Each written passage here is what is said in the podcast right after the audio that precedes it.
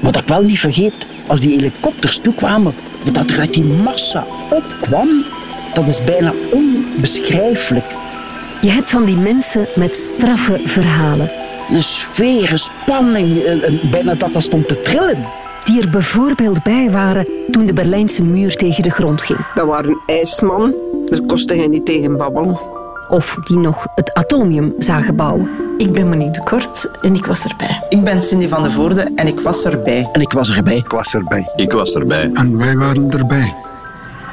Ik ben Katrien van Doornen en ik was eigenlijk nergens bij.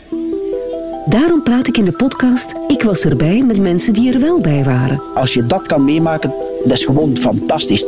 Bij gebeurtenissen die we ons misschien nog allemaal levendig kunnen herinneren. De autofabriek Renault in Vilvoorde moet op 1 juli dicht. De scheepvaart is zeer moeilijk of onmogelijk.